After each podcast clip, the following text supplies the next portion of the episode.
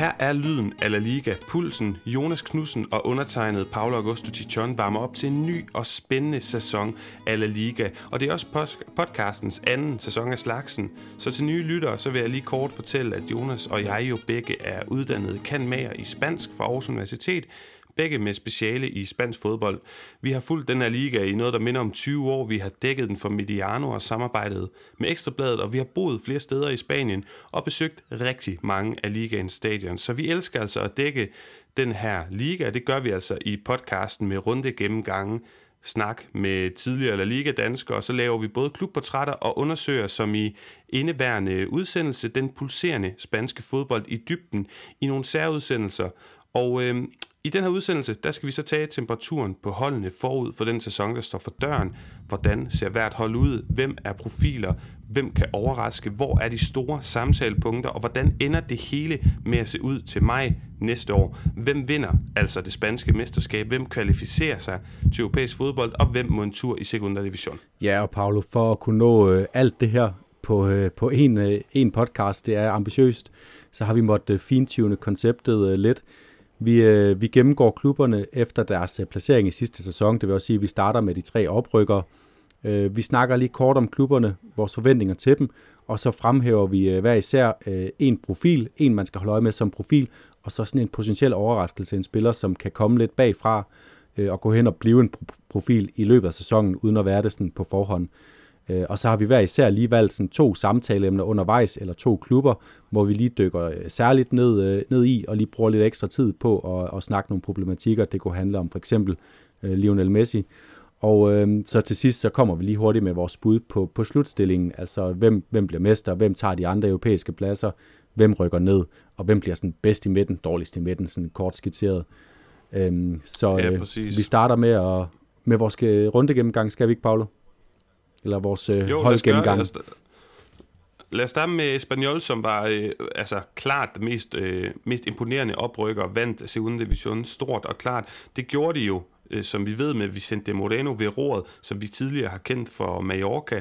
En, en træner hedder det, som jeg synes øh, efterlod et, øh, altså, et sympatisk bekendtskab med Mallorca-hold, på trods af at være rykket ned. Nu er han i Espanyol. Der er altid noget omkring mavefornemmelsen, når man rykker så klart op, der gør, at man tænker, okay, de har et fint kandidatur for at overleve i La Liga, og når man så medregner klubbens størrelse historisk i La Liga, så tænker jeg, at for mig at se, at det her er klart den oprykker, jeg har øh, den bedste feeling omkring, og som jeg tror kommer til at klare det bedst i La Liga ja, de kommer sæson. efter kun én sæson nede, og de kommer med masser af spillere, som var med oppe sidst, Sergi Darder, eh, Mathias Vargas, Adrian Mbarba, Oscar Melendo, Cabrera, Diego Lopez, øh, Javi Puado, Raul de Tomas, og så har de hentet øh, spændende angriber Di Mata fra Anderlecht, og så midterstopperen øh, Sergi Gomez, som var lidt ude i kulden i Sevilla, men, men som tidligere har været en, øh, en rigtig dygtig midtstopper i La Liga. Og det er jo mange navne, men du nævner jo ikke, og det er klart, for det har man ikke kendt den sæson, Raul Thomas, som er den profil, jeg vil fremhæve for det her hold. En enmands her, jeg har set for eksempel gøre sig på øh, Vallecas stadion, Rayo Vallecano en gang, altså, hvor, hvor, hvor at den måde, at øh, altså, et hold kan være fuldstændig chanceløs i en kamp, men så kan han få bolden, drible nogle mand, være meget opportunistisk, og alligevel øh, være et relativt effektivt våben. Så for mig er det den mand, Vicente Moreno skal kigge mod, hvis han skal håbe, at det her hold skal øh, overleve. Ja, det er meget enig i en øh, fantastisk afslutter, og så som sådan, øh, den overraskelse, som kan dukke op øh, hos Espanyol, der har valgt øh, Javi Puado. Han var også med op sidste år. Der var han øh, meget ung, ikke rigtig slået igennem endnu, kom lidt sporadisk ind. Han er sådan højrebenet venstrekant, som egentlig kan spille alle pladser øh, bag angriberne. Han bidrager både med masser af mål og masser af assist, så sådan en meget komplet spiller. Øh, og så var han med til, til OL for, for Spanien faktisk, hvor han fik et par, et par indhop. Øh, så ham ser jeg frem til at følge yep. på allerøverste hylde nu her. Jeg er fuldstændig enig. Ham har jeg også øh, skrevet, skrevet ind. Så Jonas, med det, så lad os da bare hoppe videre til øh, Mallorca. Vi snakkede lidt om Vicente Morenos fortid. Endnu en, øh, en oprykker, og sæsonen før det nedrykker sig. Så altså ligget og blandet sig i henholdsvis at rykke ned og op fra, øh, fra La Liga Segunda. Luis Garcia ved roret. Jeg har en, en, altså, en sjov mavefornemmelse med det her hold, fordi jeg synes, at de var øh, spændende at følge med i sidst. De var med i La Liga. Mange af spillerne er der stadig, for eksempel en, en Salva Sevilla. Men omvendt så er noget af det mest øh, positive, jeg har fremhævet ved dem, er, at det er sjovt at have en øbor med i La Liga. Jeg har ikke de store forventninger til, at det er et hold, der virkelig kan cementere sin plads i La Liga de kommende sæsoner. Det er jeg ikke så sikker på, men, øh, men de får en lidt mere stabil indflyvning til La Liga den her gang. øh, rykker fint op med, øh, med en anden plads i, øh, i Segunda Division. Sidste gang, der kom de jo fra to oprykninger i træk med øh, jo netop Vicente Moreno, som vi lige snakkede om i, i Espanyol. Øh, så det var, det var et hold, der ikke var klar til at være i La Liga. Det er de måske lidt mere nu. Øh, og nu nævnte du Salva Sevilla, den øh, stærkt, stærkt, stærkt aldrende centrale midtbanespiller, som jeg faktisk har valgt som min profil, netop øh, på grund af hans, øh, hans rutine. Han var, han var gammel sidst, han kom op i La Liga med Mallorca. Det klarede han fint. Nu er han igen gammel og kommer op, og man tænker, okay, kan han holde til det rent fysisk? Hvis han kan det, så bliver han enormt vigtig for, at Mallorca de får, øh, at, at de får noget stabilitet og, og, og kan kon- tage kontrol med nogle kampe også. Jeg ved ikke, om det er, fordi vi også er blevet et par aldrende mænd, der er mig, men jeg har også en aldrende mand i, i kigger, når jeg kigger på en profil for Mallorca forud for kommende sæson, og det er Angel. De har hentet angriberen fra eh, Angel Rodriguez fra Getafe, en mand, som har, vi har set lave mål i La Liga. Jeg synes, det er klogt hentet. De har måttet også af økonomiske årsager slippe Ante Budimir på en permanent aftale efter lånet til Osasuna, og det er den mand, de skal kigge efter. Og så kan det være, at Salva Sevilla, The Grey Fox, han ligesom kan, han kan støbe nogle sukkerbolde op til, øh, op til Angel, men jeg tror, at de to sammen med noget rutine, øh, og, og altså også fordi det er nogle dygtige spillere på henholdsvis central midtbane og angriberpositionen, kan gøre sig, kan gøre sig gældende. Det er i hvert fald noget af det, jeg tænker, at øh, Luis Garcia han skal øh, kigge imod. Og så er spørgsmålet jo, hvem der kan gå ind og blive en overraskelse for det her Mallorca-hold. Og der kigger jeg på unge kantspiller, offensivspiller Victor Morejo, som er udlejet fra øh, Atletico Madrid. Han har været der før, ikke helt kunne bide sig fast, men nu har han en hel sæson fra, øh, i forhold til kun at være der i foråret. Sidste sæson, mener jeg, så nu kan han øh, virkelig få lov at bide sig fast. Et spændende talent, som de snakker i positive vendinger om i Atletico Madrid. Ja, jeg, jeg er lidt mere skeptisk på Mojejos. Jeg håber virkelig, at han, han bliver sådan noget, fordi at han, øh, man, har, man har lige set prøver på, at han kan blive en rigtig spændende spiller. Han havde lidt svært ved at komme ind på Mallorca-holdet faktisk, øh, efter han blev lejet i Atletico her, øh, her i vinters øh, og igennem oprykningsfasen her. Men jeg håber virkelig, at han kan bryde igennem jeg, jeg har valgt at kigge på en, som øh, de hentede sidste gang, de rykkede op faktisk. Øh, dengang var han 23 år gammel. Martin Valient, en slovakisk øh, midtstopper, øh, som har ni landskampe for Slovakiet, og, øh, og kun er blevet bedre og bedre i hans tid med Mallorca. Øh, jeg ved ikke, om det er den nye Martin Skertel, vi har, vi har fat i her, men det, det er i hvert fald en spiller, som, som kan, kan udvikle sig til at blive en, en grundsten i Mallorcas øh, svære, må vi også sige, øh, bestræbelser på at blive op i, øh, i ligaen. Jeg er helt enig, og så lad os tage den sidste oprykker, Rayo Vallecano. Fantastisk, sympatisk bekendtskab, øh, politisk, kulturel stemning i den her klub. Øh, jeg tror, at øh, vi tager dem i en rækkefølge nu, mm, i forhold til hvem, altså fra positiv og optimistisk ned til mere pessimistisk. Det er i hvert fald den oprykker, jeg er klart er mest pessimistisk omkring. Jeg synes ikke, truppen fylder mig med, med konfiancer, med tillid frem mod kommende sæson.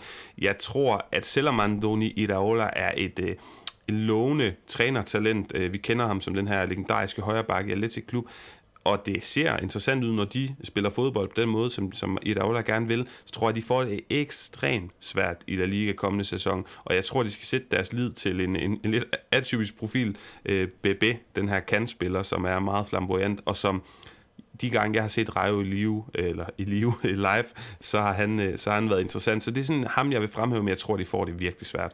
Ja, det, jeg, jeg er meget enig, og, og, øh, og de har virkelig ikke en, øh, en stærk uh, trup uh, i den kontekst, at jeg skulle spille La Liga lige nu. Og, uh, og deres ledelse har heller ikke vist sig at være særlig handlekraftig i forhold til at forstærke truppen uh, særlig kløgtigt, og de er også faktisk, altså nu snakker du om Rejo som det her sympatiske bekendtskab, uh, med, med en meget engageret fangruppe, uh, som også er, er stærkt politisk præget. Uh, de er jo konstant på kant med ledelsen, som de ikke mener uh, forvalter den her, den her skønne klub uh, i, i fansenes billede, øh, en klub, som burde være styret af fans, er det overhovedet ikke på nogen som helst måde. Øh, så, og, og der er ikke mange profiler i deres trup heller. Øh, så jeg peger på en spiller, som var med oppe sidst, og som måske kan, kan være sådan lidt en stabil faktor i at skabe noget for dem. Alvaro Garcia, øh, venstrekant spiller, som har lidt mål, lidt oplæg i sig, og så den her rutine med både at have været øh, rykket ned og op igen med, med Rayo. Øh, de har ikke de store profiler, Rayo, det må jeg også bare sige.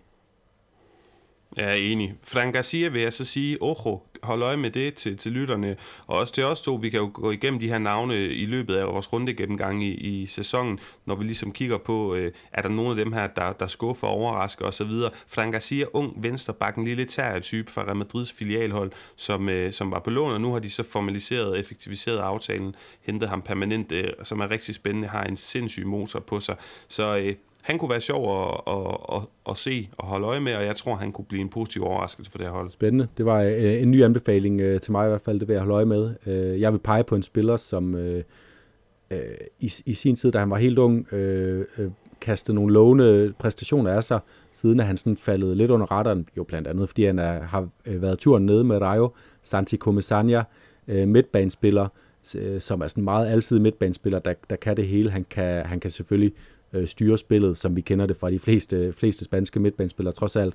Øh, han er 24 år nu. Måske er det nu, han er klar til øh, rigtig at bryde igennem i, øh, som La Liga-spiller. Mm.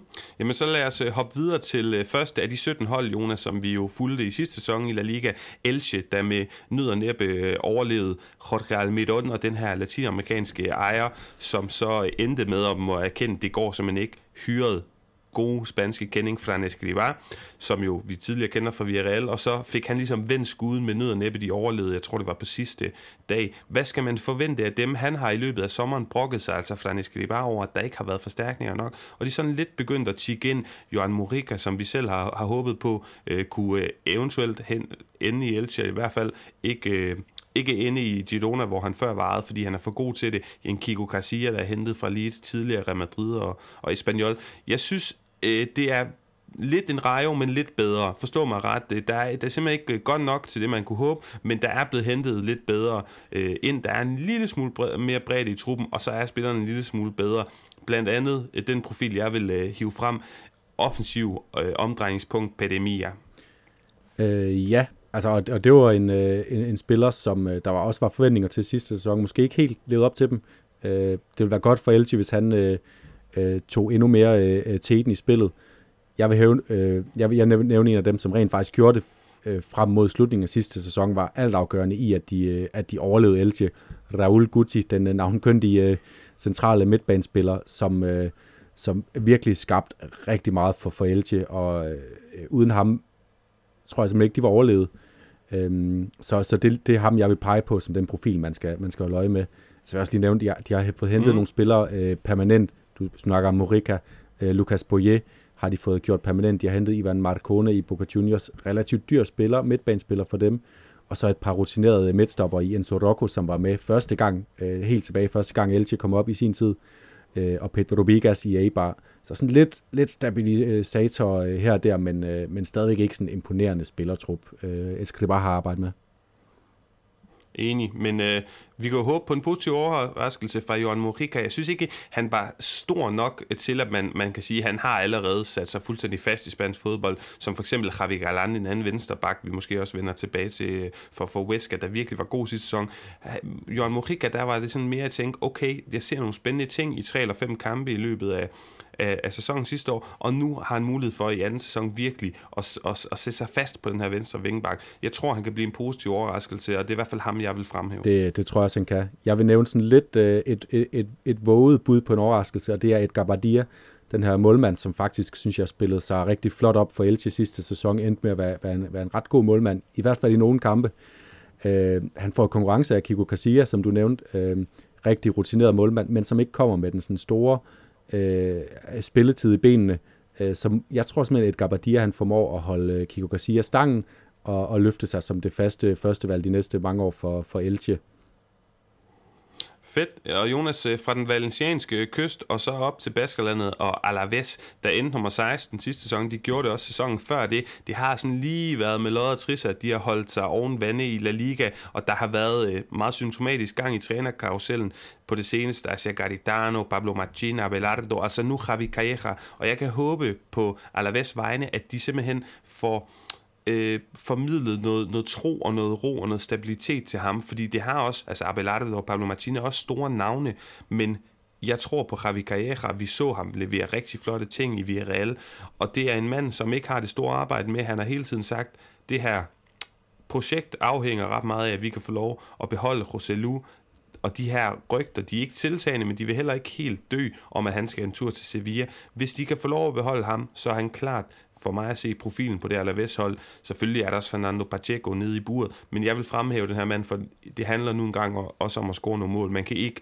blive op i La Liga med kun at spille uafgjort. Nej, og, og, og jeg, jeg var jo øh, meget kritisk over for Deportivo Alaves hele sidste sæson. lige indtil karriere, synes jeg, øh, mirakuløst kommer ind og vender bøtten for dem til aller, aller sidst og får dem reddet. Øhm, og jeg synes, at Lucas Perez er, ser, ser sløj ud. Han er nærmer sig en, også en alder, hvor han måske heller ikke kan lave et comeback og lige pludselig genfinde sit niveau. Øh, så jeg vil pege på, øh, på en mere øh, sådan, øh, stabilitetsskabende faktor, nemlig Florian Lejeune, som de havde sidste sæson på lån fra Newcastle. Ham har de fået gjort permanent. Det er rigtig vigtigt øh, midterforsvar, som, som skal, som skal organisere det her hold. Det bliver rigtig vigtigt for dem at, være, at have et stabilt udtryk, for jeg synes ikke, Rosello, ja, øh, profil, men han scorer jo aldrig mål stabilt øh, fra kamp til kamp, så jeg tror, de får rigtig øh, meget brug for at lukke, lukke af bag til, for at, at ikke ende i alvorlig nedrykningsfare. Fedt. Det er godt at høre, at, at vi også får noget defensivt, øh, altså fokus på det defensive. Øh, jeg tager så endnu en offensiv øh, mand som, som en, der kan lave en overraskelse, og det er øh, en mand, der er på lån fra Manchester United, fra Kundo Beestri, som er en ung energisk midtbanespiller, eller hvad hedder det, kantspiller, hurtigt, øh, kan, kan sætte en mand, kan sætte nogle chancer op, og det tror jeg, de får brug for, fordi det er ikke det mest sexede hold offensivt. Så sådan en ung fyr lidt, jeg, jeg vil ikke sammenligne ham med Brian Hill, men den der energi, sådan en ung fyr med gå på mod kan skabe på et lidt aldrende hold, der ikke har så meget øh, gående, hvad hedder det, fungerende for sig, når de går, når de er i banen. Derfor så vil jeg holde et, øh, et øje på ham. Ja, og, og nu nævner du det aldrende hold. Jeg, jeg har virkelig svært ved at finde nogen, som sådan skulle overraske og træde et skridt op øh, for Alaves. Så derfor så peger jeg på, på Luis Rioja som den positive overraskelse. Han kom rigtig godt ud af sæsonen. Øh, øh, venstrekant, venstrebenet venstrekant spiller sådan en meget klassisk øh, øh, indlægstype, men som også øh, fik scoret nogle mål øh, til sidst i sæsonen.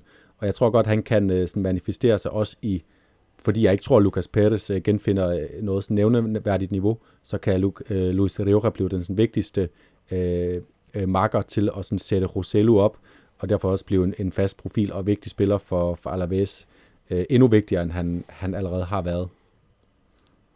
Og Jonas, så kommer vi jo op til næste øh, i rækken øh, holdet inden nummer 15 sidste sæson med altså nummer 8 og endnu flottere placeringer årene før det.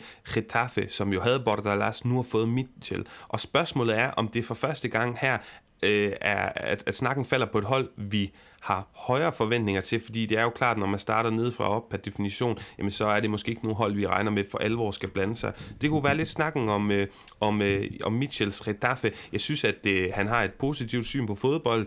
Han er en øh, træner, som har snakket om, at øh, måden, der skal skaffes resultater på, skal være mere spændende, attraktiv end den Bordalas havde, uden at kritisere, man har ros hans arbejde rigtig meget. Der er nogle interessante folk øh, af spillermateriale, altså de har hentet Vitolo, de har hentet Alenia permanent, de har en Kukurea, Arambari, Mathias Oliveira kan jeg godt lide på venstre bak, men den profil, jeg alligevel tror, fordi fodbold der er så et realistisk spil, som, øh, som Mitchell skal kigge på og sige, du er meget, meget vigtig for mig og mit fundament, det er den defensive ankermand, Jenny. Ja, og han har jo sådan, gennem flere år været en, en stor profil. Jeg synes, han havde et uh, alvorligt kvalitetsstykke uh, sidste år, Øh, der, der blev lidt peget på, at det skyldtes holdets generelle kvalitetsstykke. Jeg synes øh, heller ikke selv, han, han steppede op, men han skal nok genfinde sit niveau. Øh, jeg, jeg er ikke sådan helt så positiv øh, øh, på øh, sådan Retafes vegne i forhold til, at de skal rykke sig stort resultatmæssigt. Men øh, jeg glæder mig til at se et Retaffe, der nok bliver sjovere at se spille øh, fra gang til gang. Det har virkelig nogle gange været, øh, været for smående at se den måde, de har, har spillet fodbold på, men det har jo virket, og, og respekt for det i sådan en lille klub, som skal, skal arbejde med de midler, de har. Jeg synes, det vigtigste middel, de har arbejdet med lige nu, det er øh, Arambari inde på midten, som, øh, som er ham, jeg vil udnævne til profilen. Han har været i, øh, jeg, jeg synes på et tidspunkt læste jeg noget med Manchester United og sådan noget. Det er han ikke endnu, men han er en spiller, som godt kan udvikle sig til at blive nævnt på, på allerøverste hylde i fodbolden. Og nu får han under Mitchell måske mulighed for at vise lidt mere, hvad han kan med bolden, om han kan øh, styre spillet, når Getafe møder især de mindre hold, og, mås- og hvor de under Mitchell nok gerne vil have øh, vil se mere til bolden. Øh, så derfor så, så, så er han den profil, jeg vil anbefale at holde øje med for, for Getafe.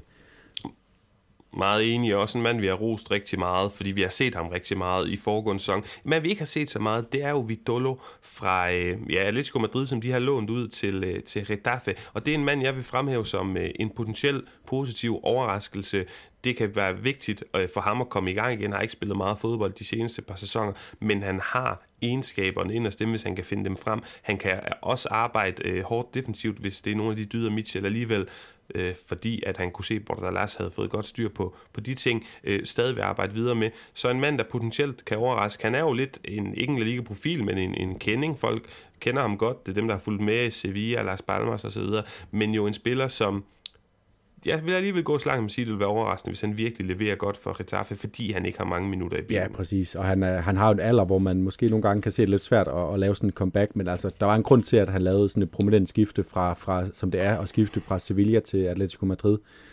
Øh, og så indkapsler han på en eller anden måde den transition, Getafe måske skal gennemgå næste sæson. Han er sådan, man husker jo, hvordan han bare øh, sådan rent maskinelt kunne overløbe sine modstandere, da han var allerbedst i Sevilla med, med bolden, men, men meget på grund af sin fart og sådan, øh, øh, sådan styrke, hans acceleration. Øh, men samtidig så er han en spiller, der er vant til at spille på hold, øh, der spiller god fodbold, som Sevilla og Atletico Madrid gør. Så måske han kan sådan lidt af begge ting, og kan plødgøre den her transition fra hårdt arbejdende, aggressivt hold til lidt mere velspillende hold, øh, ligesom Cucurella måske i øvrigt kan, men, øh, men Vitolo, han kunne godt overraske og, og få en eller to gode sæsoner nu her det, øh, i Getafe. Jeg er fuldstændig enig. Skal vi hoppe videre til noget, der bliver unægteligt mere, mere charmerende at kigge på, nemlig Paco Lopez Levante-hold. De endte 14 sidste sæson, og sæsonen før det 12. Det er et hold, som vi elsker her i programmet. De er altid sjove, og i den her lidt grå gruppe af, af hold, som aldrig rigtig nødvendigvis rykker ned eller kommer i betragtning i Europa, så er det her bare et fedt hold med en masse lækre spillere. De var rigtig tæt på at komme i Copa del Rey-finalen. Det kunne ligesom have været det flotte punktum på et par år, hvor de spiller god fodbold. Vi må se, om det kommer i kommende sæson. De har i hvert fald holdt fat i det vigtigste. Paco Lopez og alle de her interessante spillere. Profilen for mig, det er en, vi ikke fik lov at se og snakke så meget om sidste sæson, fordi han var skadet stort set hele tiden. Men for mig at se, når alle spillere er klar, er den bedste, mest eftertragtede dygtigste fodboldspiller på det her hold, José Campagna på den centrale midtbane.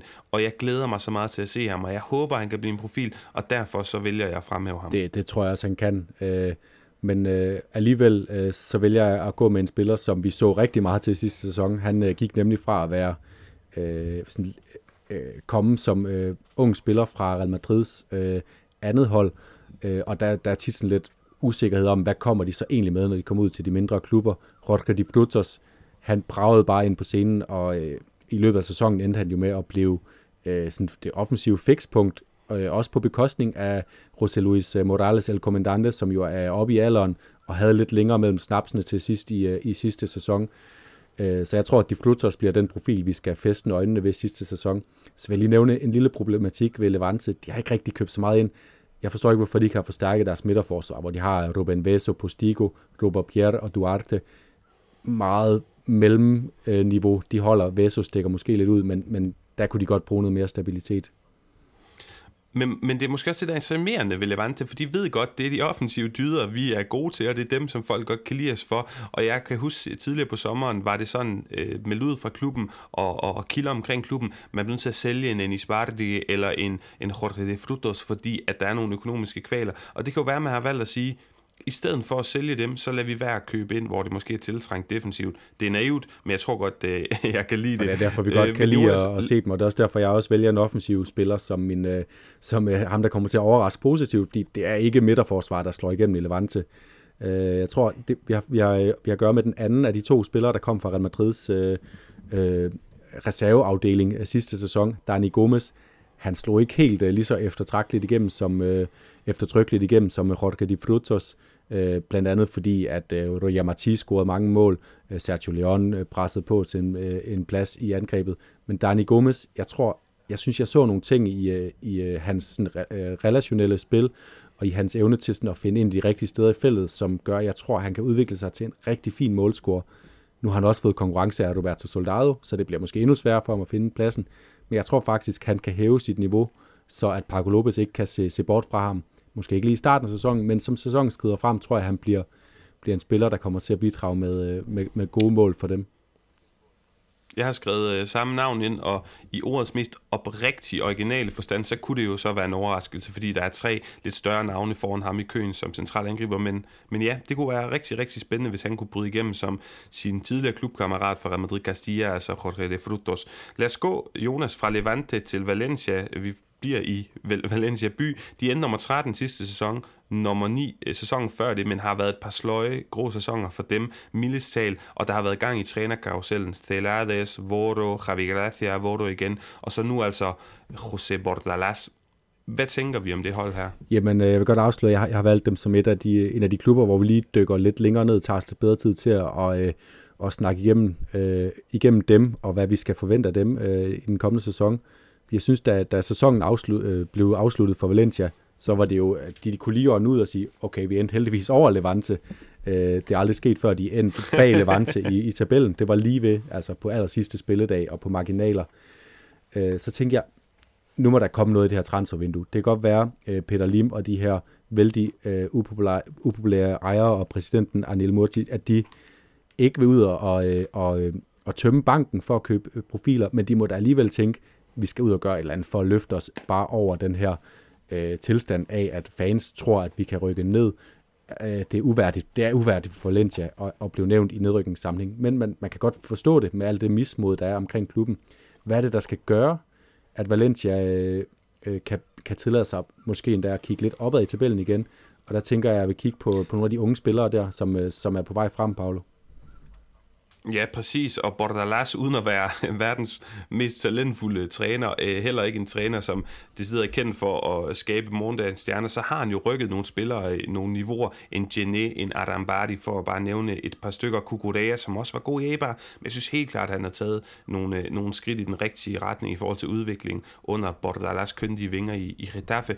Og når han så er kommet til Valencia, for det første, vi har jo snakket om det, hvis man skal kigge efter noget positivitet som Valencia-fan, øh, Øh, han har øh, været god til at skabe meget overraskende resultater med begrænsede ressourcer, så jeg synes, det er en af de rigtige rå mænd at kigge efter i, i spansk fodbold som ny træner.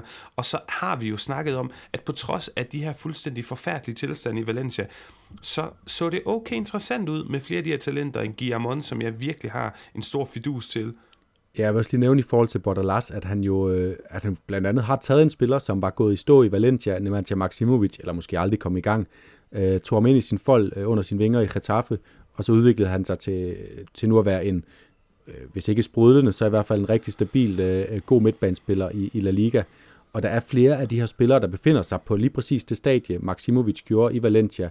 Øh, du, var, du var gået i gang med, de har Uros øh, Rasic på midtbanen, du nævnte Ugo Guillamon, som jeg kan se som øh, et af de helt store forsvarstalenter i det hele taget i spansk fodbold øh, de kommende år. Rigtig god til at distribuere spillet, øh, virker til at have et, et vanvittigt klogt hoved, øh, og, og kan, øh, har, øh, han er 20 år og har allerede vist, vist gode takter, så har de Koba Coentredi, undskyld mit franske, en fransk øh, U-spiller, øh, som er, er central midtbanespiller, øh, hvor Valencia er tyndt besat, og han måske kan gå ind og spille en rolle. Yunus Musa på højre kanten, Kang En Lee, øh, som måske er på vej væk, fordi han er, ikke bryder sig om, ligesom nogle af Valencia-spillerne, om tilstanden i klubben, og så Alex Blanco, som også kom lidt ind til sidste, sidste sæson. Ja, og Korea, altså, så, så jeg tror egentlig, jeg tænker, at hvis Valencia-fans, og det kan man måske ikke, fordi at den her klub, har jeg flere gange pladeret for, er den tredje største øh, klub historisk i La Liga, foran øh, hold som Atletico Madrid og Sevilla.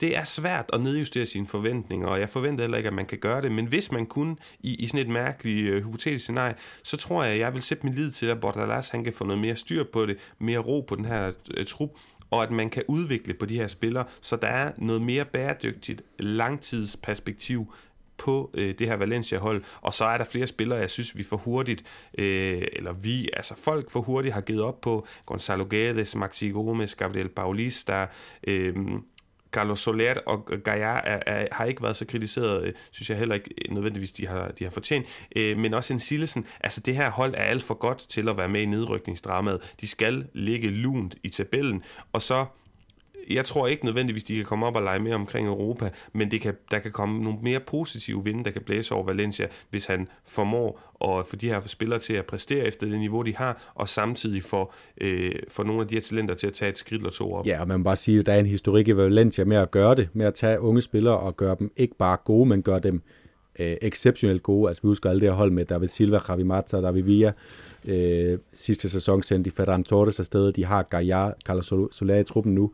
Hvis øh, Bordalas kan få 3-4 af de øh, unge talenter, som vi har vist prøver på deres store talent nu, øh, til at, og, at tage sådan en lynudvikling, som vi kender det fra tidligere Valencia-tider, øh, så kunne det jo sagtens være, at de lige pludselig har en startelver, som ser øh, som faktisk ser god ud, og de, det kræver selvfølgelig, at de rutinerede kræfter, det er blandt også Daniel Vass, hvis han øh, øh, ender med at blive hængende, øh, at, at de præsterer på et stabilt niveau.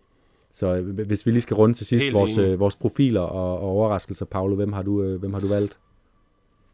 Jamen, jeg kigger på midtbaneduen, uh, henholdsvis Carlos Soler som profilen, og Odo Sarasic, som jeg synes, jeg så nogle spændende ting omkring, uh, som, uh, ja, som, som den overraskelse, det kan vise sig at give noget stabilitet. Husker ham blandt andet for det her vanvittige golazo mod Atletico Madrid, og jeg synes, at der, han er en interessant profil, som gik en lille smule under radaren, og potentielt kan tage nogle gode skridt op, også fordi at Bordalas er kendt for det her med positionelt og stramt defensiv organisation, øh, og, og især være god til at udvikle på de mere defensivt orienterede spillere, så jeg tror godt, at han kunne blive positivt overraskende. Jamen, øh, øh sjovt, jeg har, jeg har faktisk også valgt øh, midtbanedue, altså Soler som profilen, øh, så har jeg så valgt øh, Koba Kointrindi, øh, nu kommer jeg bliver udfordret på det franske igen, øh, han er kun 19 år, jeg synes Odus Rasic, han, øh, jeg, jeg har set ham være alt for ustabil i sit øh, pasningsspil. Han laver nogle mærkværdige fejl en gang imellem. Han blev mere stabil mod slutningen af sæsonen. Øh, det, vil, det vil jeg medgive.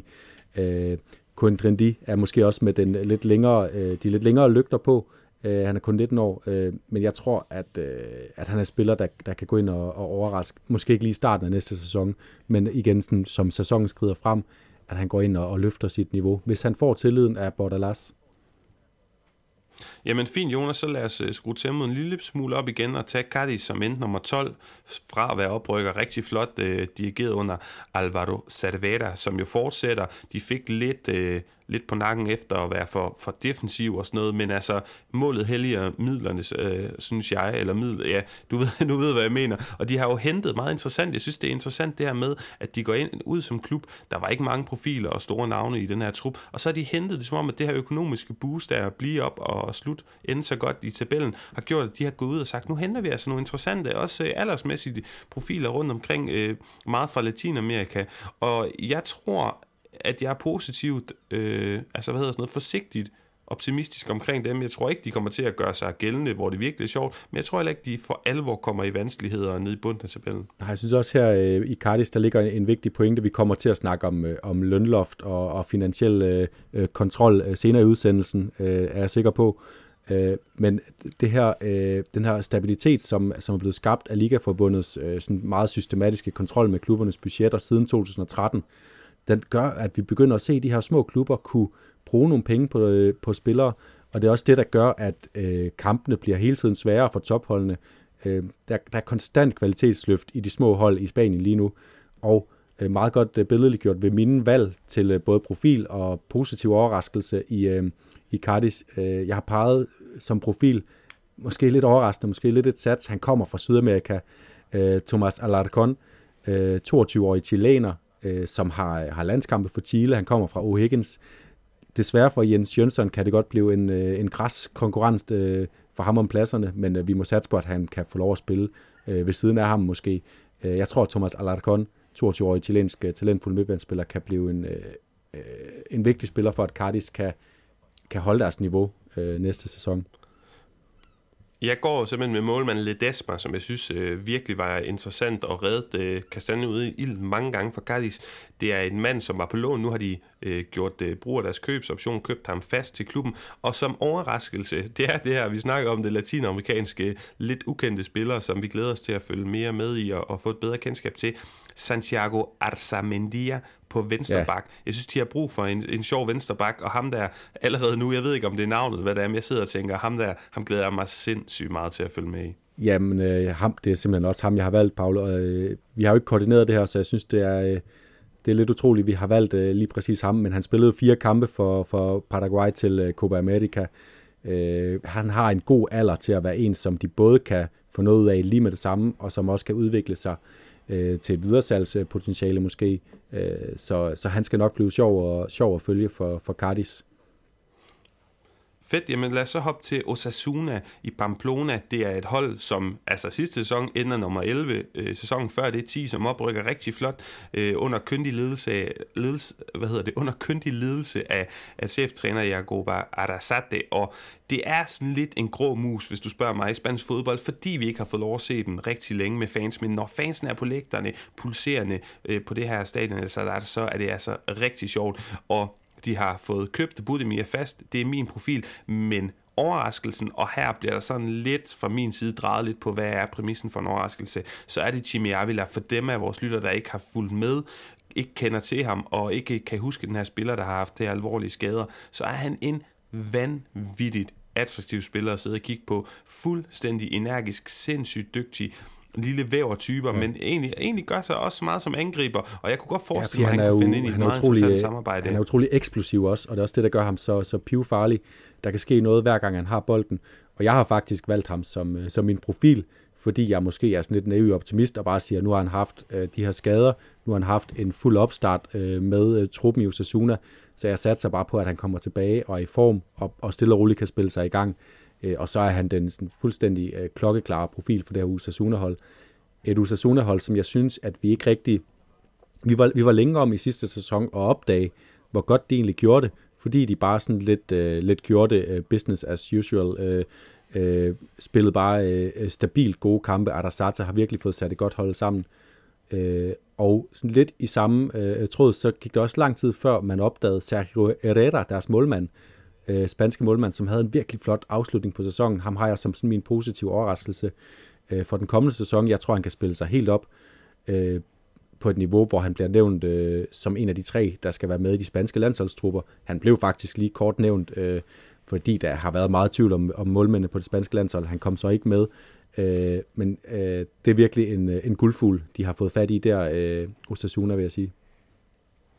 Enig, og ros til Jakoba Jacoba Arrasate og Osasuna. Så lad os hoppe op til nummer 10. Nu begynder det at blive lidt sjovere, lidt mere velkendt. Athletic Klub, en kæmpe institution i spansk fodbold. De endte nummer 10 sæson, og altså 11 år før. Først Gaisca Garitano ved råd, og så altså nu Marcelino og Jonas. Her tager jeg lige tempo der analysis ind, øh, skruer lidt ned for, øh, for tempoet, og så kunne jeg godt tænke mig at, at snakke lidt mere dybdegående om dem. Hvilke spillere er det, Marcelino, som er et stort navn i spansk fodbold som træner, hvad er det for nogle spillere, han skal udvikle på, for at Atleti Klub de kan komme i spil til de her europæiske pladser, og gerne måske med noget lidt mere energisk og moderne spil? Jamen, øh, det er et virkelig godt spørgsmål, fordi som, øh, som vi ved, så er der jo ikke kommet nogen øh, forstærkninger ind, så det er de samme spillere, som øh, led de her brutale pokale, pokalfinale nederlag øh, øh, i sidste sæson, der skal løfte sig.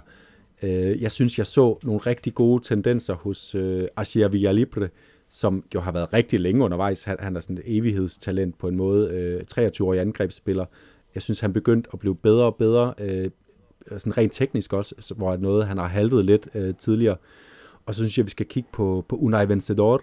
Øh, Atletic Klub har døjet med at have, synes jeg, have sådan meget udynamisk øh, øh, central midtbane, som måske kan virke meget solid, men men det går meget langsomt deres øh, spil. De får ikke øh, distribueret øh, bolden rigtigt ud til deres øh, øh udmærkede kanter, sådan i Muniain og, og Berenguer. Øh, så det, det er to spillere, jeg godt kunne se. Og så håber man jo lidt, øh, Nico, Will, Nico Williams, Iñakis lillebror, som er, som er blevet hævet op i truppen, at det er en, som lige pludselig kan komme ind og blive en øh, øh, sådan kæmpe overraskelse og altid fedt med de her brødrepar i spansk fodbold. Vi har Alex Fernandes og Nacho, der ikke spiller i samme klub. Her har vi to gange Williams Athletic Klub. Øh, eh, Real Betis, men jeg tror, det er Yasin Fekir, altså Nabil Fekirs lillebror, og dem kan vi måske snakke lidt mere om, øh, når vi kommer til, til den andalusiske klub eh, Real Betis. Men for lige at færdiggøre Athletic Klub, Jonas, jeg er meget enig. Jeg synes også, man skal kigge på Jon Morsillo, og han er faktisk ja. den overraskelse, jeg vil fremme på det her hold.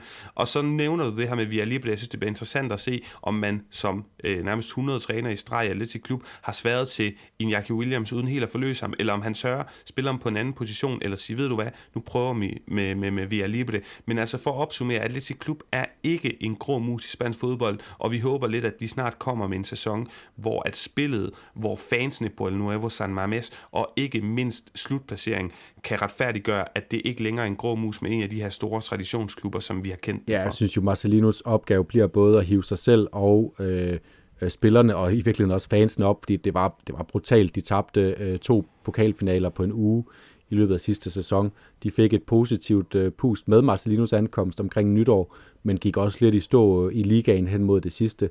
Øh, og der er som sagt det er de samme spillere, der skal løfte, så, øh, så altså, der, der bliver en opgave i at få, øh, få øh, hvad er det man siger, øh, øh, få sådan genetableret troen på, at man er en, en stor klub, man er et storhold, fordi de har jo gode spillere, øh, de kan bare ikke pifte det op på nogen som helst måde, fordi der ikke er, øh, de har ikke øh, mulighederne for at hente øh, store baskiske spillere udefra, så, øh, så det skal blive spændende at se, om Marcelino han kan løfte den opgave. Lad os hoppe til øh, Andalusien og Granada, som jo altså sidste sæson endte nummer 9, sæsonen før det er nummer 7, højt flyvende med Diego Martinez, og nu altså tidligere spansk øh, selektionador, øh, landstræner Robert Moreno. Og hvad er det så lige, vi skal tænke om dem? Hvad er det, vi skal regne med? Det er jo en lille klub, der har har flået højere, end de egentlig burde de sidste par sæsoner, så måske, at de bare skal øh, hvad hedder sådan noget, acceptere, at det er en succesfuld sæson, hvis de ikke på noget tidspunkt for alvor med i nedrykningsdrammet. Ja, jeg synes, det, det er svært med Granada, fordi de har, øh, at, øh, deres succeskriterie er at, at overleve. Øh, især de har jo øh, de har mistet lidt af de her øh, legespillere, især Jan Herrera bliver, øh, bliver et stort tab for dem. Altså han var, han var super vigtig for, at de kunne, øh, at de kunne øh, ligesom øh, øh, løfte sig i tabellen øh, langt over forventningerne. Øh, Diego Martinez, hvordan klarer de sig uden ham? Øh, Robert Moreno er jo virkelig lidt et, et uprøvet trænerblad, fordi han har, han har været øh, Øh, assistent i flere klubber, og så var han, havde han den her korte periode på det spanske landshold. Han havde en kort periode i Monaco efterfølgende, uden en stor succes. Så vi ved ikke rigtigt, hvad vi skal forvente, forvente os af ham fra dag til dag. Det eneste, vi ved, det er, at han får en, synes jeg, lidt dårligere spillertrup at arbejde med, end øh, Diego Martinez i virkeligheden havde i sidste sæson. Enig, men derfor skal vi alligevel prøve at udpege, udpege et par steder, man kan holde øje med dem, og jeg tror, at han skal sætte sin lid til Carlos Bacca, og det bliver for mig at se profilen, man skal udpege, mand, der skal score målene for dem. Og så er Angel Herrera smuttet, og der er generelt lidt øh, tvivl omkring den her midtbane. Er det Gonalon og øh, Luis Mia, der, der var interessant, inden han blev langtidsskadet? Jeg vælger at pege på Janetegi som overraskelsen, der kan gå ind med noget energi, der både kan være opbryder, men altså også med nogle pludselige raids op i banen, kan gøre øh, angrebet dynamisk, interessant og uforudsigeligt. Det er ligesom de to spillere, jeg vil øh, pege på for Granada. Jeg har også peget på Janetegi som min overraskelse, også fordi han netop, øh, altså Jan Herrera, han var rigtig god til at, øh, at bryde linjen frem i banen. Det synes jeg også, Janne Tegi har noget af, noget sådan meget energisk udtryk. Øh, Milja har det også, men det ville ikke være så stor en overraskelse, hvis han, øh, hvis han gjorde det rigtig godt næste sæson. Øh, som øh, sådan profil, så har jeg peget på Domingos Duarte, den her portugisiske øh, midterforsvar, som er, øh, altså, de har haft et rigtig stabil øh, øh, forsvar dernede. Jeg synes, han er den største profil af deres, øh, deres forsvarsspillere, og også måske deres øh, største salgsobjekt øh, efter næste sæson, eller allerede den her sommer, hvor han så ikke er rådet afsted. Jeg har lige et spørgsmål, Paolo. Hvem skal stå på mål for Granada? De har, de har solgt Rui Silva, de har ikke hentet nogen. De har uh, Aaron Escandey som den eneste målmand oplistet lige nu i, uh, i, i, i truppen. Det er æder med et godt spørgsmål. Jeg mener at have læst nogle rygter i, fra lokalpres i Granada omkring, at Iñaki Benja, han hedder, øh, i Barcelona, de skal ud og hente en. Der er slet ikke nogen tvivl om, det tror jeg også, de gør. Og jeg er egentlig ikke så pessimistisk på deres vegne omkring udsigterne for at hente en, en mand, der har stået anden eller tredje målmand hos en af de større klubber. Der burde være mulighed. Du kan også se, at det er Albetis, der har Joel Robles, de har Claudio Bravo, og så altså nu tidligere Granada-keeper Rui Silva. Så der, der må være øh, en, en mulighed for at hente noget der. Det er selvfølgelig vigtigt, at man har styr på sin målmandspost. Ja, det, siger, øh, det, det siger sig selv. Men Jonas, lad os hoppe videre til Celta Vigo, og der er en vigtig pointe her. De ender nummer 8 sæsonen før. Det er nummer 17. Først Oscar Garcia, og nu altså Eduardo Cudé, der har fået bedre styr på det. Og der har vi måske heller ikke været gode nok til at sige, at det er virkelig flot og vigtigt at tage et spring fra en 17. plads til en 8. plads jeg forventer mig store ting af det her hold. Jeg synes, det er et interessant hold. Det er en succes for dem, hvis de har mulighed for at bide sig fast omkring, øh, omkring de her Europa-pladser og kæmpe med om dem, og det er selvfølgelig ingen, mand, ingen anden mand end Jago Aspas, de skal kigge på. Hvis du har en anden profil end ham, så bliver jeg decideret sur på det. Det har jeg, det har jeg selvfølgelig ikke, så, så lad os bare hoppe videre til, hvem vi tror kan, kan komme ind og overraske på det her hold. Øh, jeg synes, øh, en spiller som Price Mendes er egentlig en, jeg har forventet mig øh, rigtig meget af i efterhånden mange år. Han forsvandt ligesom ud i, i glemslen, også samtidig med, at Celta stoppede med at begejstre os, og stoppede med at også sikre resultater. Øh, efter nytår, øh, sidste år efter det øh, øh, rigtig fik, øh, fik gang i Celta, så kom der også gang i Price Mendes, og de har jo masser af de her fine boldspillere, øh, som øh, er offensiv midtbanespillere eller sådan otter af karakter. Øh, jeg synes, Price Mendes er den, der måske har det allerstørste potentiale, også større end måske øh, Denis Suarez for eksempel. Øhm, så ham vil jeg følge rigtig tæt. Og så også Ravi Galan, som de hentede til, til venstre bak. En position, hvor de virkelig har, har døjet med, med kvaliteten de sidste par sæsoner. Ja, der, der nævner du nemlig min, min overraskelse er, at Javier Galant så godt hentet ind fra Huesca. De havde Lucas Olaza. Han var god, så slap de ham. Var det til Valladolid eller sådan et eller andet? Ja, meget og efter det, der sad jeg og tænkte, ja, meget mystisk forløb, og tænker jeg, oha, de mangler en god venstreback. Og så har de hentet den helt oplagte mand. Lige perfekt hylde, hvis du spørger mig. Han, han var for god til Weska. Han, øh, jeg vil slet ikke være sekund i tvivl som Celta-fan om, at ham, der han kan spille en rigtig fornuftig sæson. Så ham vil jeg absolut kigge på som, øh, som Celta Vigo-mand. Ja, han bliver spændende at følge, og så bliver det også spændende at følge, om de kan fortsætte med at have stabilitet i midterforsvaret. Jeg synes ikke, Josef Aidu, han, øh, han har ikke overbevist mig endnu. Øh, så altså, der, der, der kunne måske godt lige være noget potentiale for at lave noget på transfermarkedet der, og så vil Celta Vigo også i min optik være virkelig, virkelig interessante. Enig. Men Jonas, lad os hoppe videre til Villarreal. De ender nummer syv. De skal spille Champions League i stedet for Conference League efter den første titel, det her fantastiske øh, finale, øh, finalekampen og sejren mod Manchester United i Europa League. De ender nummer fem året før det med Calleja. Det er altså Emery, der førte dem til den her syvende plads, som nu skal ind i anden sæson. Og der er vi måske nærmest tæt på lige så enige, må vi være, omkring at profilen her er Jetta Moreno, eller hvad siger du? Ja, det, øh, det er nærliggende. Jeg har også peget på Parejo, for jeg synes faktisk, at øh, når Parejo var ude af Villarreal-holdet, så var de, øh, så var de virkelig svækket. Øh, og det kan godt blive en udfordring øh, for dem, hvis, hvis han render ind i nogle skader. Øh, fordi så kommer de til at mangle noget, noget, noget sådan spillemæssig styrmandskraft på midtbanen. Kokkelang har det ikke, ikke på samme måde i sig. så, så, de, så de to spillere er meget, meget centrale for, for Villarreal. Ja, enig. Og så, så vil jeg faktisk kigge på en mand, som øh, jeg tror ikke, han er blevet lejet ud nu, jeg frygter det lidt, men Javi Ontiveros, der, der, da han var i Malaga, så jeg ham blandt andet være med til at, at skyde dem meget tæt på at, og rykke direkte op i La Liga for et par sæsoner siden. Var i Huesca, gjorde det okay, men heller ikke øh, sådan helt. Men han er ekstremt spændende, har et vanvittigt skud, og generelt et topniveau, som jeg tænker sagtens kan gøre, at han kan komme på niveau med, med Chukwueze. De mangler kantspillere, det siger de også selv, det siger Emma de også selv, en mand, der kan spille højre kant. Han er måske mere kendt som venstre kant, men ja, jeg ved det ikke. Jeg tror godt, han kunne komme ind og blive en interessant brik i, i det her puslespil hos Emmet. Fedt, altså det, det vil virkelig overraske mig, men, øh, men det var jo også... Øh det var jo også øh, præmissen for, at man, man skulle vælge en, der, der kunne overraske, og han har, øh, vi har jo set, at han har kvaliteterne til at, at kunne, kunne være med på det niveau. Øh, mangler noget stabilitet. Det kan være, at Emery er, er manden, der skal give ham det. Jeg har bare peget på en, øh, en transfer faktisk. De har ikke handlet så meget. Vi har alle de har mest øh, formaliseret nogle handler, øh, blandt andet med Juan Foyt. Men de har hentet øh, Boulaye Dia fra Stade de Reims i Frankrig. Og det har jo tidligere, han er, han er sådan en angriber, der godt kan gøre sig lidt øh, i højre siden også øh, øh, har scoret en del mål for, for Start de Rem. De har tidligere hentet øh, Cedric Bakambu, Karl Togo i Kambi, Nilmar, Sonny Andersen og så videre fra, fra fransk fodbold. Øh, så jeg tror faktisk, øh, at her kan vi godt have en, øh, en sådan ny øh, Villarreal-profil i, i svøb, selvom han ikke er en, øh, en kæmpe transfer, som, øh, som alle kender og glæder sig til, men øh, vi har bare set dem være kloge på den front der før Villarreal.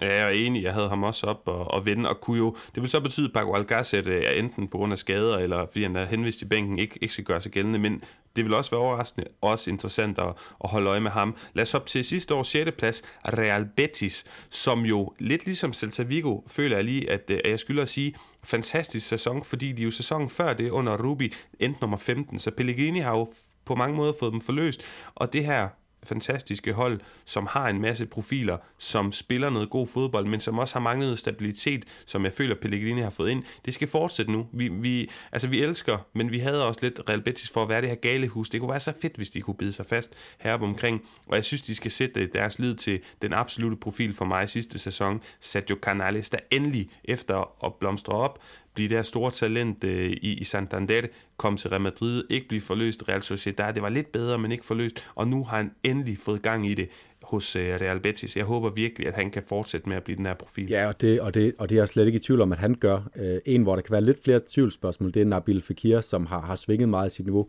Men jeg synes faktisk, når han er bedst, så er han øh, Øh, Real Betis øh, største profil. Han kan gøre så mange ting på egen hånd. Øh, han kan vinde kampe fuldstændig, øh, fuldstændig selvstændigt nærmest.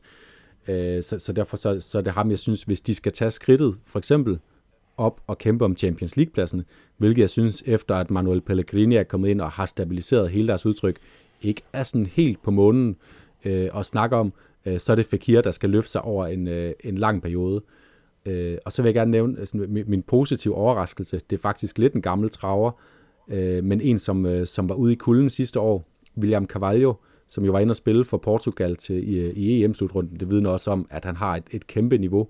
Men han var jo faktisk slået af af Guido Rodriguez sidste sæson. Det var han jo, fordi Guido Rodriguez spillede godt. Men jeg synes, hvis William Carvalho genvinder pladsen, så vinder Betis også Øh, øh, mere kvalitet øh, i William Carvalho i topform, end i Guido Rodriguez i topform. Så jeg håber at se ham som sådan en positiv genkomst øh, på Betis-holdet.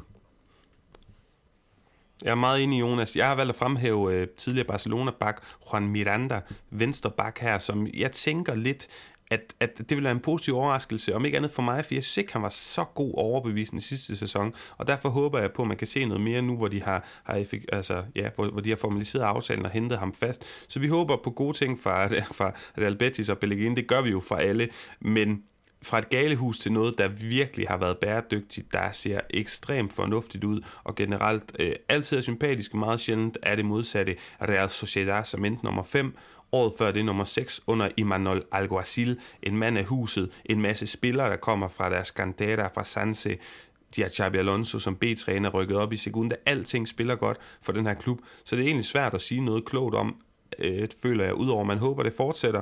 Og skal det fortsætte, så vil jeg sætte min lid til Miguel Oyarzabal. Ja, det kan jeg godt forstå, selvom øh, manden måske, ligesom, ligesom nogle andre øh, spillere La Liga, kan være lidt træt efter både at have været med i en øh, opslidende EM-slutrunde, hvor Spanien nåede langt, og, og OL, hvor Spanien også nåede langt. Øh, så måske han lige skal bruge lidt tid på at, at komme i gang, men øh, helt klart. Og så vil jeg også nævne Alexander Isak som sidste sæson. Øh, måske der kunne man have, have sat sig, ham som en overraskelse inden sæsonen og fået ret, øh, fordi han øh, spillede sig virkelig op, og vi så også øh, hans indsats for Sverige under EM, hvor, øh, hvor, hvor fantastisk en spiller han kan være. Øh, og der er, der er bare så mange spillere at hive fat i, du nævner med, med de unge spillere. Øh, af alle dem, så vil jeg fremhæve som, som ham, der kommer til at overraske positivt, øh, Ander Baranetier, øh, den her kantspiller, 19 år, har allerede vist øh, prøver på at kunne noget, synes jeg, ekstraordinært, noget, der kan bringe ham op på, øh, i hvert fald overhale spillere som, øh, som Janusaj i, øh, i rangordnen, og også nærme sig at blive sådan det nye øh, øh, Oyasabal-niveau af, af kvalitet. Interessant. Jeg har taget en, som kommer til at konkurrere med ham er lidt bag ham i køen, men bare for at prøve noget nyt. Roberto Lopez, som jeg har set et par interessante ting fra, ja. øh, mest i starten af sidste sæson, hvis jeg husker rigtigt.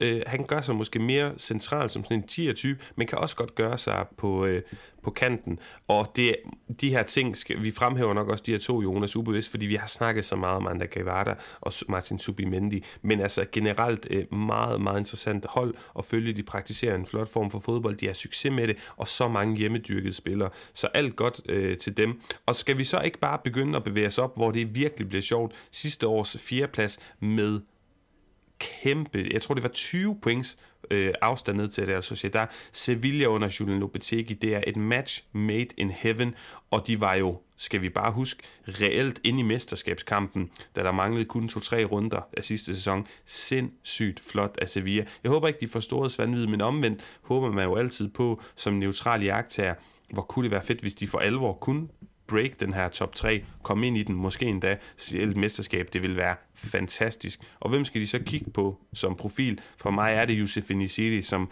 scorer alle de her mål, der er så afgørende for alle andre steder på det her hold, der er det hele så forløst. Det ser så godt ud. Det er så godt sat op af Lopetegi, men de skal score mål, og det fik de endelig gjort sidste sæson under, under Josef Nesiri. Ja, og, øh, og, og det kan jeg egentlig godt følge og udpege Nesiri. Jeg synes, øh, Jules øh, kun det, hvis de formår at, at beholde øh, ham, så, så er han den altafgørende prik for, for Sevillas bestræbelser. Jeg kan godt være lidt bekymret for, for Sevillas øh, offensive øh, kreativitet. Jeg synes, der var nogle øh, negative præstationer sidste sæson hos øh, Ocampos. Øh, Suso var ikke altid øh, lige god. Øh, Oscar Rodriguez slog ikke igennem. Øh, og så nu, har de, nu fik de så øh, Brian Rill tilbage, troede man, øh, som ligesom skulle ryste lidt posen og, og skabe noget, øh, noget kreativitet. Øh, ham har de så sendt til Tottenham og taget Erik Lamela den anden vej. Øh, jeg ved ikke rigtigt, om Lamela udvikler sig til sådan en Monchi-handel af en spiller, der, der, der genfinder, skråstrej hæver sit niveau i Sevilla. Øh, det vil det lidt kræve, for jeg synes, at, at det endte med at være en god idé. Øh, så jeg kan godt, jeg kan godt være lidt, øh, lidt bekymret for deres produktivitet, men man må bare sige, at deres grundstamme, den har de på plads, og den ser, den ser rigtig solid ud. Og Lopetegis arbejde med Sevilla, det er, det er altså det, det er nok noget af det stærkeste trænerarbejde, vi ser i La Liga lige øh, i de her år fuldstændig enig. Øh, og det er svært at finde en, en, en person, der kan overraske her, for jeg føler, at der er rigtig mange spillere, som ikke er profiler på det her hold, men som heller ikke øh, er fuldstændig bænkevarmer. Jeg kunne nævne for eksempel Oliver Torres, jeg kunne nævne Munia El Haddadi, jeg kunne nævne... Øh, jeg tror, er Ronnie Lopez kommet tilbage, ja, men der er i hvert fald rigtig mange. Papu Gomez mangler vi også at, at se det helt store fra. Øh, Ivan Rakitic har der været meget tvivl om, hvor god han egentlig er lige pt. Den mand, jeg vil fremhæve, det er ingen ringer end Oscar Rodriguez. Vi så, hvor god han var i Leganes. Vi har ikke fået lov at se det endnu. Jeg har kaldt lidt på et formationsskifte i Sevilla til en 4-2-3 med en 10'er, og så tror jeg, han vil være fuldstændig fantastisk. Opblomstrende, han har en alder, de har brugt penge på ham, så de må også på et eller andet tidspunkt sige, at nu skal han have en reel chance for at spille fem kampe i streg, og for at få lov at tage noget protagonisme på det her hold. Ja, det er, det er jeg glad for, at du siger, for jeg må indrømme, at jeg har mistet troen til Oscar øh, Rodriguez, men det er jo også, fordi han ikke får chancen. Så jeg håber, jeg håber vildt meget at se, at han, at han får noget spilletid og kan, og kan vise nogle af de takter. Øh, ligesom man kunne sige øvrigt om Carlos Fernandes, da vi snakkede om Real Sociedad lige før, men lad nu det ligge. Øh, jeg, jeg har valgt øh, Marco Dimitrovic, øh, målmanden, de har hentet øh, fra, fra Eibar. Øh, dem, der har hørt vores transfer special, vil også øh, høre, jeg har stor fidus til ham. Jeg tror, han går direkte ind og, og forstærker dem, fordi han er mere stabil og mere, øh, han har sådan mere autoritet i sit udtryk og i sin kommunikation med sin midterforsvar, end, øh, end Bono har. Øh, Bono havde nogle mærkelige udfald øh, sidste sæson også, hvor man, øh, som ikke var særlig tillidsvækkende. Så jeg tror, at Dimitrovic kommer til, til at, at forstærke Sevilla sådan umiddelbart øh, øh, og gå direkte frem fra at være målmand fra nedrykker til at være en, en målmandsprofil i ligaen. Jamen, jeg er fuldstændig enig, Jonas. Og så lad os prøve at gå til top 3. FC Barcelona. Puha, hvor starter man, når man skal begynde at forudsige deres kommende sæson? Altså, der er jo sket ret meget på hvad kan man sige, til- og afgang. Lad os starte med tilgang. Ja. Memphis Depay, Eddie Garcia, Emerson, hvem mangler jeg? Sergio Aguero, der nu skadet en hel masse. Et galehus uden lige, men mange ting har vel set fornuftigt ud den her sommer, og så skete der noget for et par dage siden, og hvor i alverden starter man i alt det?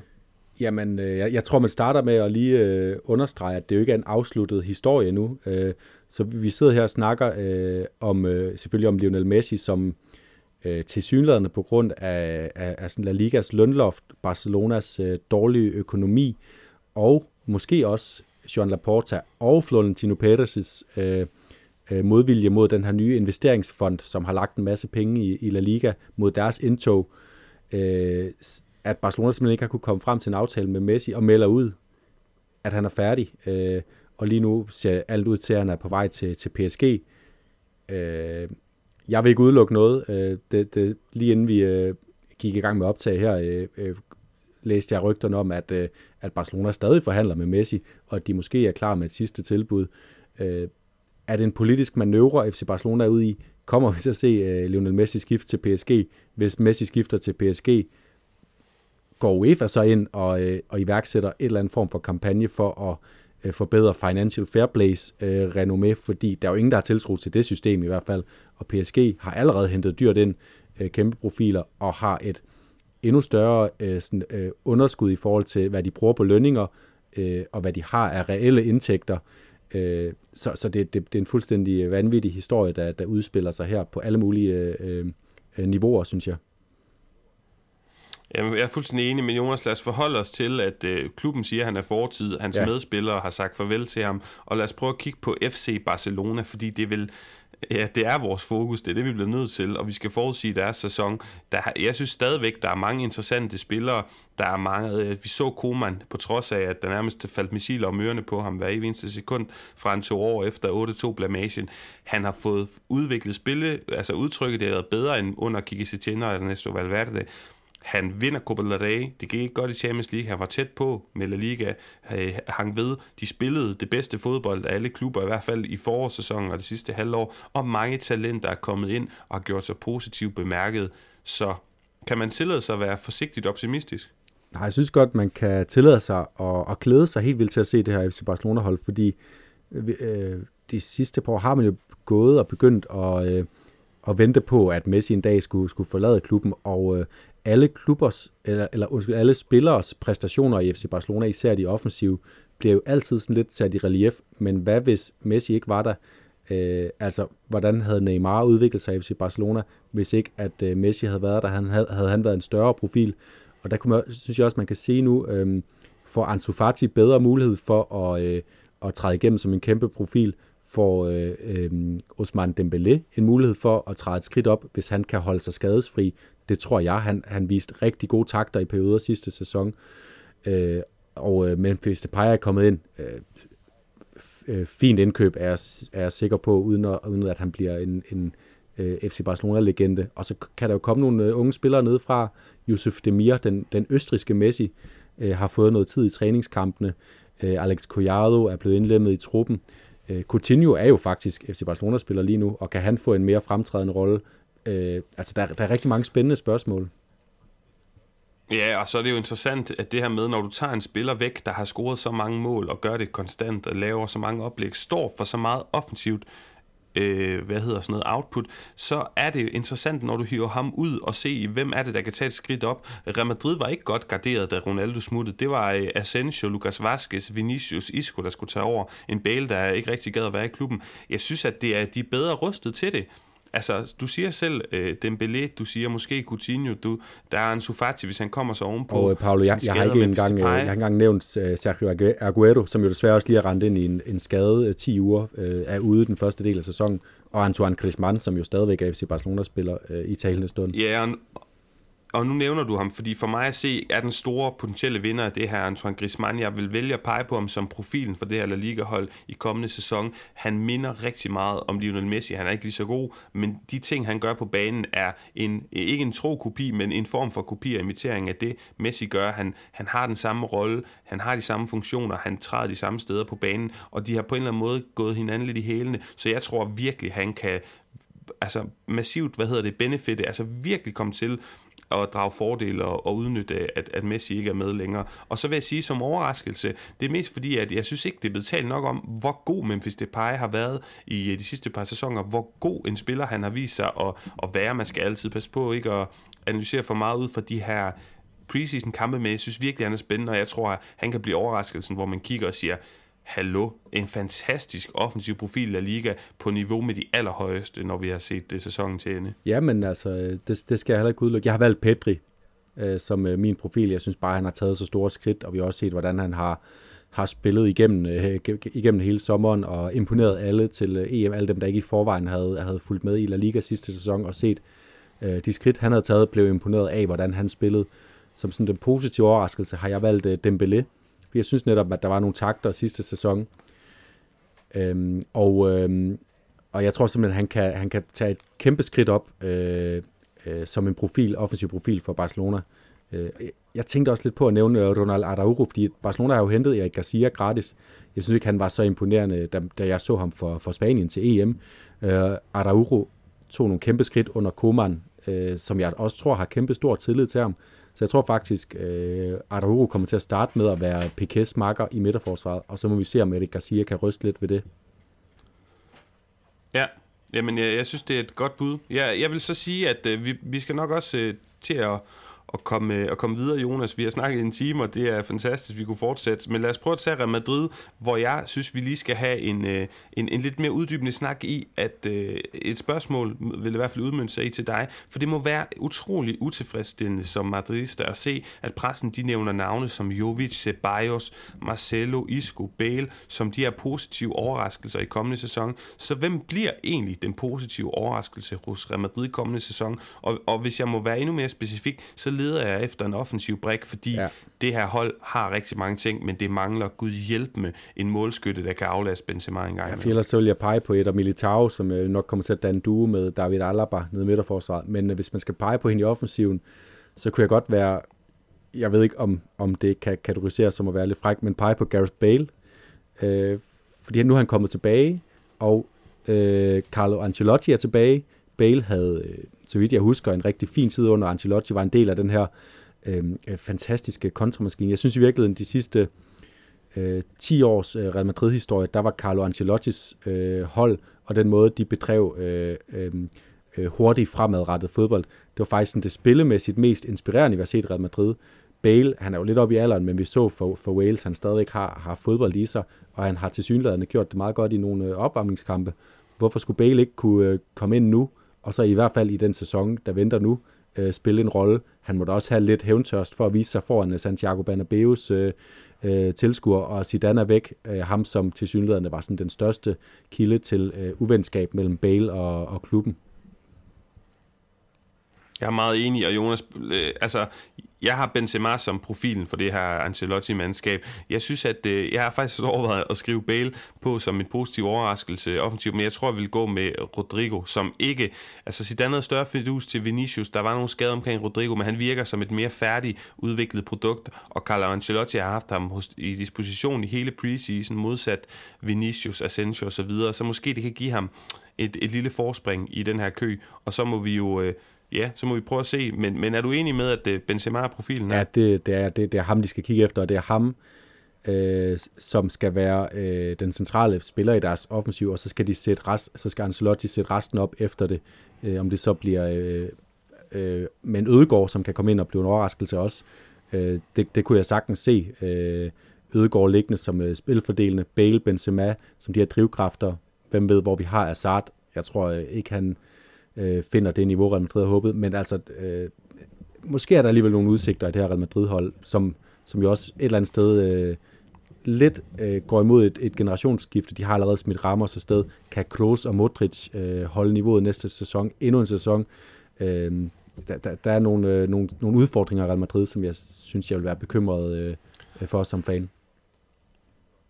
ja, udfordringer, spørgsmålstegn omkring Real Madrid, også Barcelona, og så ender vi jo med sidste sæsonskæde dække Atletico Madrid, der for endelig vandt en mesterskab igen. Øh, der var vist gået syv år fra 13-14 sæsonens mesterskab. Og spørgsmålet er jo, om ikke bare det ligger til højre benet, at de er favoritter igen, Jonas. Altså, så længe de to andre ikke bliver markant stærkere, og Atletico Madrid holder på deres store spillere, og ikke på nogen måde, øh, hvad hedder det, transmitterer, altså udviser øh, øh, en form for svækkelse, så har jeg dem som favoritter. Det har jeg, fordi deres profil kunne være Marco Llorente, men det kunne også være Luis Suarez, men det kunne også være Jan Oblak. Der er så mange pile, der peger den rigtige retning. Er du ikke enig? Jo, jeg kan ikke se nogen grund til, at Atletico ikke skulle være favoritter. De var, de var det bedste hold øh, i sidste sæson. De vandt mesterskabet helt fortjent. Øh, Real Madrid, øh, mange spørgsmålstegn. FC Barcelona, mange spørgsmålstegn. Øh, jeg kan ikke se nogen grund til, at nogen af de to konkurrenter er styrket i hvert fald. Så, øh, så hvorfor skulle Atletico ikke vinde? Og så en anden faktor, jeg lige vil pege på. Øh, José María Jiménez. Øh, han var ikke særlig meget involveret i sidste sæson. Når han kom tilbage, så var det forceret, han var i dårlig form, men han er øh, i virkeligheden deres bedste midterforsvar. De vandt mesterskabet uden deres bedste midterforsvar. Han kommer tilbage nu med en fuld optakt. Øh, hvis han er tilbage i form, så bliver det også et øh, nyt løft til Atletico, som også har hentet øh, Rodrigo Di Paul, en sådan øh, dynamisk, kreativ midtbanespiller fra Udinese, som kan komme ind og styrke dem, måske i kvaliteten, i hvert fald i bredden, et sted, hvor de godt kunne have brugt det sidste sæson. Så øh, jeg, jeg synes, at Atletico er favoritter. Måske de lige skal have en, øh, en erstatning til Luis Suarez, altså en, der kan gå ind og, og aflaste ham. Øh, men, men man ved, at de har, har kig på nogen, så, så der kommer også et eller andet til deres, øh, deres angreb der. Ja, de har jo kigget på der Famia, den er ikke bekræftet nu, men nej, hvor vil det være et, øh, et klogt køb, vil jeg, vil jeg sige. Men Jonas, når noget er så oplagt, så godt, tingene ser så pæne ud, så er det også svært at finde en overraskelse. Og jeg ved ikke, om Thomas Lemar kan være en overraskelse. Måske ville det være overraskende, hvis han igen præsterede på den her hylde. Men når der er så mange andre spillere, der bliver fremhævet i offensiven på midtbanen, nyt indkøb, som du siger, Rodrigo de Paul, så vil jeg alligevel øh, våge at påstå, at hvis han kunne virkelig spille en brændesæson, måske lidt flere mål og sidst på kontoen end forrige sæson, og øh, at han ikke bliver slået af, for eksempel en Saul eller Rodrigo de Paul, så vil det være en positiv overraskelse. Så det er den mand, jeg, jeg peger på lidt i mangel af bedre, skal det sige. Ja, og jeg har så, jeg har så allerede øh, snakket, øh, snakket ham gevaldigt op, øh, José Maria Jiménez, men, men fordi han ligesom er klædet lidt ud i klemslen på grund af Savits gode sæson og Mario Hermosos gode sæson, øh, øh, så, så tror jeg, han er den, der kommer tilbage, og lige, han, gen, han kommer til at genvinde pladsen i, øh, i vores bevidsthed som, som øh, aftageren til Godin og øh, den største forsvarsprofil i Atletico og måske øh, La Liga efter øh, Sergio Ramos' øh, afgang. Fantastisk, Jonas. Jamen, øh, så synes jeg egentlig bare, at vi skal tage en lynhurtig breaker, og så på den anden side, så en helt kort og kontant Hvem tror vi, forudsigelser, vinder La Liga, og så videre, så videre. Så vi tager lige en breaker, og så kommer den her. Luis, llámame por favor. Venga. Estoy preocupado. Adiós, guapo. Jonas, jamen lad os øh, gøre det helt kort. Vi har snakket om det. Vi synes, at det meget lugter Atletico Madrid, men når vi så skal have det noteret ned og stå til regnskab en gang i maj, hvem bliver så mester? Jeg kan jo starte. Jeg tror Atletico Madrid, og det vil jo være spektakulært, men jeg tror faktisk, de genvinder titlen. Og jeg håber det for konkurrence øh, hvad hedder sådan noget, elementet i La Liga, og for at andre hold for øjnene op for, det er ikke kun Real Madrid og Barcelona, det gælder om. Jamen, øh, jeg, jeg er også enig, jeg har Atletico som, øh, som favorit, og øh, det kan jo nogle gange være lidt svært at se sig ud over, når, når vi er i her i, i op til starten af sæsonen, at den, man lige har set blev mestre, er sådan højt i ens bevidsthed øh, på, på styrkebarometeret. Men jeg synes, alle årsager, som vi også snakkede om inden breakeren, øh, til at Atletico er favoritter, øh, de peger bare mod, øh, mod at det er, et, det er et oplagt valg, og de andre har nogle udfordringer. De kan overkomme undervejs, derfor kan der også komme nogle spændende narrativer i sæsonen, men Atletico er favoritter, når vi sidder nu her i, øh, i sommeren 2021 øh, og, og skal forudse, hvem der er mester i, i 2022. Jamen, jeg er meget enig. Øh, lad os så prøve at færdiggøre top 4. Hvem, øh, hvis du sådan lige kan rangere, ender nummer 2, 3 og 4? Jamen, jeg har FC Barcelona på, på anden pladsen, øh, øh, for jeg tror, der, der, kan, der kan ske... Ronald Koeman havde gang i nogle gode ting. Det var en klog beslutning at beholde ham. Øh, så jeg tror, der kan ske nogle spændende ting, også øh, selvom at det selvfølgelig er monumental opgave, de står overfor at skulle have den første sæson uden Messi. Så har jeg øh, Real Madrid på tredjepladsen, øh, og det har jeg egentlig primært fordi, at øh, jeg synes, Sevilla ikke har forbedret sig øh, i det her transfervindue, så, så der kommer ikke yderligere trussel ned fra. Sevilla skal nok kunne blande sig øh, langt hen i kampen, måske også en femte spiller, øh, men i sidste ende, så, så er Real Madrid stadig øh, bedre. Jeg har den samme, øh, hvad hedder det, rangliste bare med Real Madrid foran Barcelona, fordi at øh, Real Madrid trods alt er længere i, i jeg ved ikke, om man skal kalde det generationsskifte, men de er mere færdige produkt, Øh, så har de selvfølgelig fået en ny træner, men der er flere spørgsmålstegn for mig at se hos Barcelona. De kan sagtens ende med at blive positive spørgsmålstegn med et positivt afkom, og dermed øh, nogle, nogle flere piler på den rigtige vej. Det er jo svært at vurdere, Jonas, så de ligger ja, også tit tæt, det, det her hold. Men det var også en indlejet præmis i min, i min sådan positive syn på Barcelona, at der er mange spørgsmålstegn, der skal falde den rigtige vej ud, og, og, øh, og derfor så er det også... Øh, øh, helt forståeligt, at du vælger Real Madrid som, som andenpladsen, synes jeg, giver, og giver mening. Men lad os så prøve at sige, hvem bliver nummer 5 og 6 og 7. 5 og 6 er altså Europa League, og nummer 7 er Villarreal, øh, ikke, ikke er Villarreal, er Conference League. Det var det, de endte sidste sæson. Jeg tror faktisk, at Villarreal og Real Betis tager henholdsvis Europa League-pladserne, og så at La Real, altså Real Sociedad, de ender på 7. pladsen. Det vil også give mere mening i forhold til deres trupper. Øh, det er flot og bæredygtigt, det de har gang i Real Sociedad, men jeg synes ikke, de har lige så mange profiler som de to andre hold, og heller ikke en lige så stor trænerprofil. Jeg har faktisk, øh, nu, nu du nævnte Villarreal som nummer 7, jeg har, jeg har Villarreal på syvende pladsen, øh, øh, og Real Sociedad på, på øh, 6. pladsen, og Real Betis på 5. pladsen. Real Betis som en seriøs kandidat til at bryde ind i top 4 også. La Real kunne også godt være det. Øh, men jeg, jeg synes både La Real og Villarreal, det viste i sidste sæson, at deres topniveau, der er de øh, noget af det ypperste fodbold, man overhovedet kan se i, øh, i, i Europa. Men øh, det er som om, de lige mangler øh, noget kvalitet rundt på holdet øh, i deres startelver øh, til at kunne være det på fast basis. De, de får stadig for mange øh, øh, dumme pointtab, hvor de ikke får afgjort øh, øh sagerne. Øh, så derfor har jeg, har jeg den rækkefølge.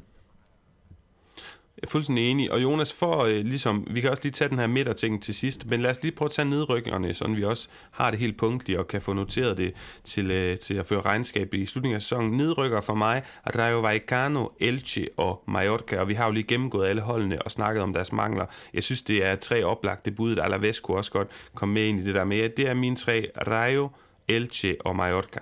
Øh, jeg er enig i øh, Rayo, så, så dem kan vi godt sætte ned. Vi snakkede også om i, i den her udsendelse, at de har øh, at de har den dårligste trup i ligaen, synes jeg simpelthen, og der er ikke nogen udsigter til, at den bliver bedre. De rykker ned. Jeg har så valgt, øh, der, der er kun én oprykker, der rykker direkte ned igen, det er Rayo. Øh, så har jeg, fortsætter jeg min, øh, min evigt pågående øh, hets mod øh, Deportivo Alaves. Øh, jeg tror, de rykker ned. Øh, og så gør Cardis, for jeg synes, Cardis, de overlevede, øh, de overlevede på trods af kvaliteten i deres trup. Og øh, ja, vi snakker om, de har hentet et par spændende spillere, men de har jo ikke hentet nogen velafprøvede øh, spillere ind til truppen, som, som bare partout kan løfte deres niveau. Øh, så jeg forudser, at det bliver lidt mere øh, dystert for, for Cardis den, øh, den kommende sæson. Fantastisk, så har vi jo det, og så kan vi sådan lige kort, jeg tænker at, at lave et nedslag i en midterklub, vi tænker overrasker positivt, og en, der overrasker negativt. For mig at se positivt, Atleti Klub, jeg tror, de kommer til at løfte sig og komme tæt på at være med i kampen om europæiske, øh, de europæiske pladser, og så omvendt tror jeg, at et af de to øh, andalusiske hold, Cadiz eller Granada, får, får det svært, og ikke kommer til at være så overbevisende, som de var i, øh, i, i sidste sæson. Men jeg tror heller ikke, de rykker ned, nogen af dem. Hvad tænker du? Øhm, jeg, har, jeg har valgt, jeg har simpelthen faktisk på min øh, liste, jeg har rent visuelt, Espanyol liggende øh, helt øverst i min midtertabel, øh, altså oprykkerne fra Espanyol. Jeg synes simpelthen, at den stabilitet, de har vist efter de rykkede ned, og den måde, de rykkede op på, og, øh, og det spillermateriale, de har, altså de har nogle, nogle, nogle profiler, der stikker ud, så, så overvejede jeg faktisk at putte dem op på de europæiske placeringer. Jeg tror godt, de kunne være sådan et oprykkerhold, der går direkte ind øh, og spiller med, hvor det er rigtig sjovt. Øhm, og, og nede i bunden, der, der finder vi så øh, Granada, som jeg tror får udfordringer efter afskeden med Diego Martinez og Jankel Herrera og Rui Silva. Øh, jeg tror, de får problemer. Og så også Mallorca, som, som, som er det næst svageste øh, af oprykkerholdene, og mus, sammen med Elche, øh, også en af, af de dårligste trupper i, øh, i ligaen, trods alt. Jeg synes, jeg synes dit shoutout til Espanol er vanvittigt interessant. Det vil jeg virkelig glæde mig til at holde op på og, og følge med i. Men Jonas, det var ordene for den her gang. Det blev en uh, marathon podcast. Jeg skal uh, nå at sige, at vores uh, gode uh, lytter og også mand deltager i uh, Celta Vigo podcasten, Kasper Brink, han har været så sød at lave en lyden af La Liga holdet gruppe. Altså det her spil, hvor man kan sætte sit managerhold omkring øh, La Liga-sæsonen, der skal til at gå i gang, så skal man nå inden fredag.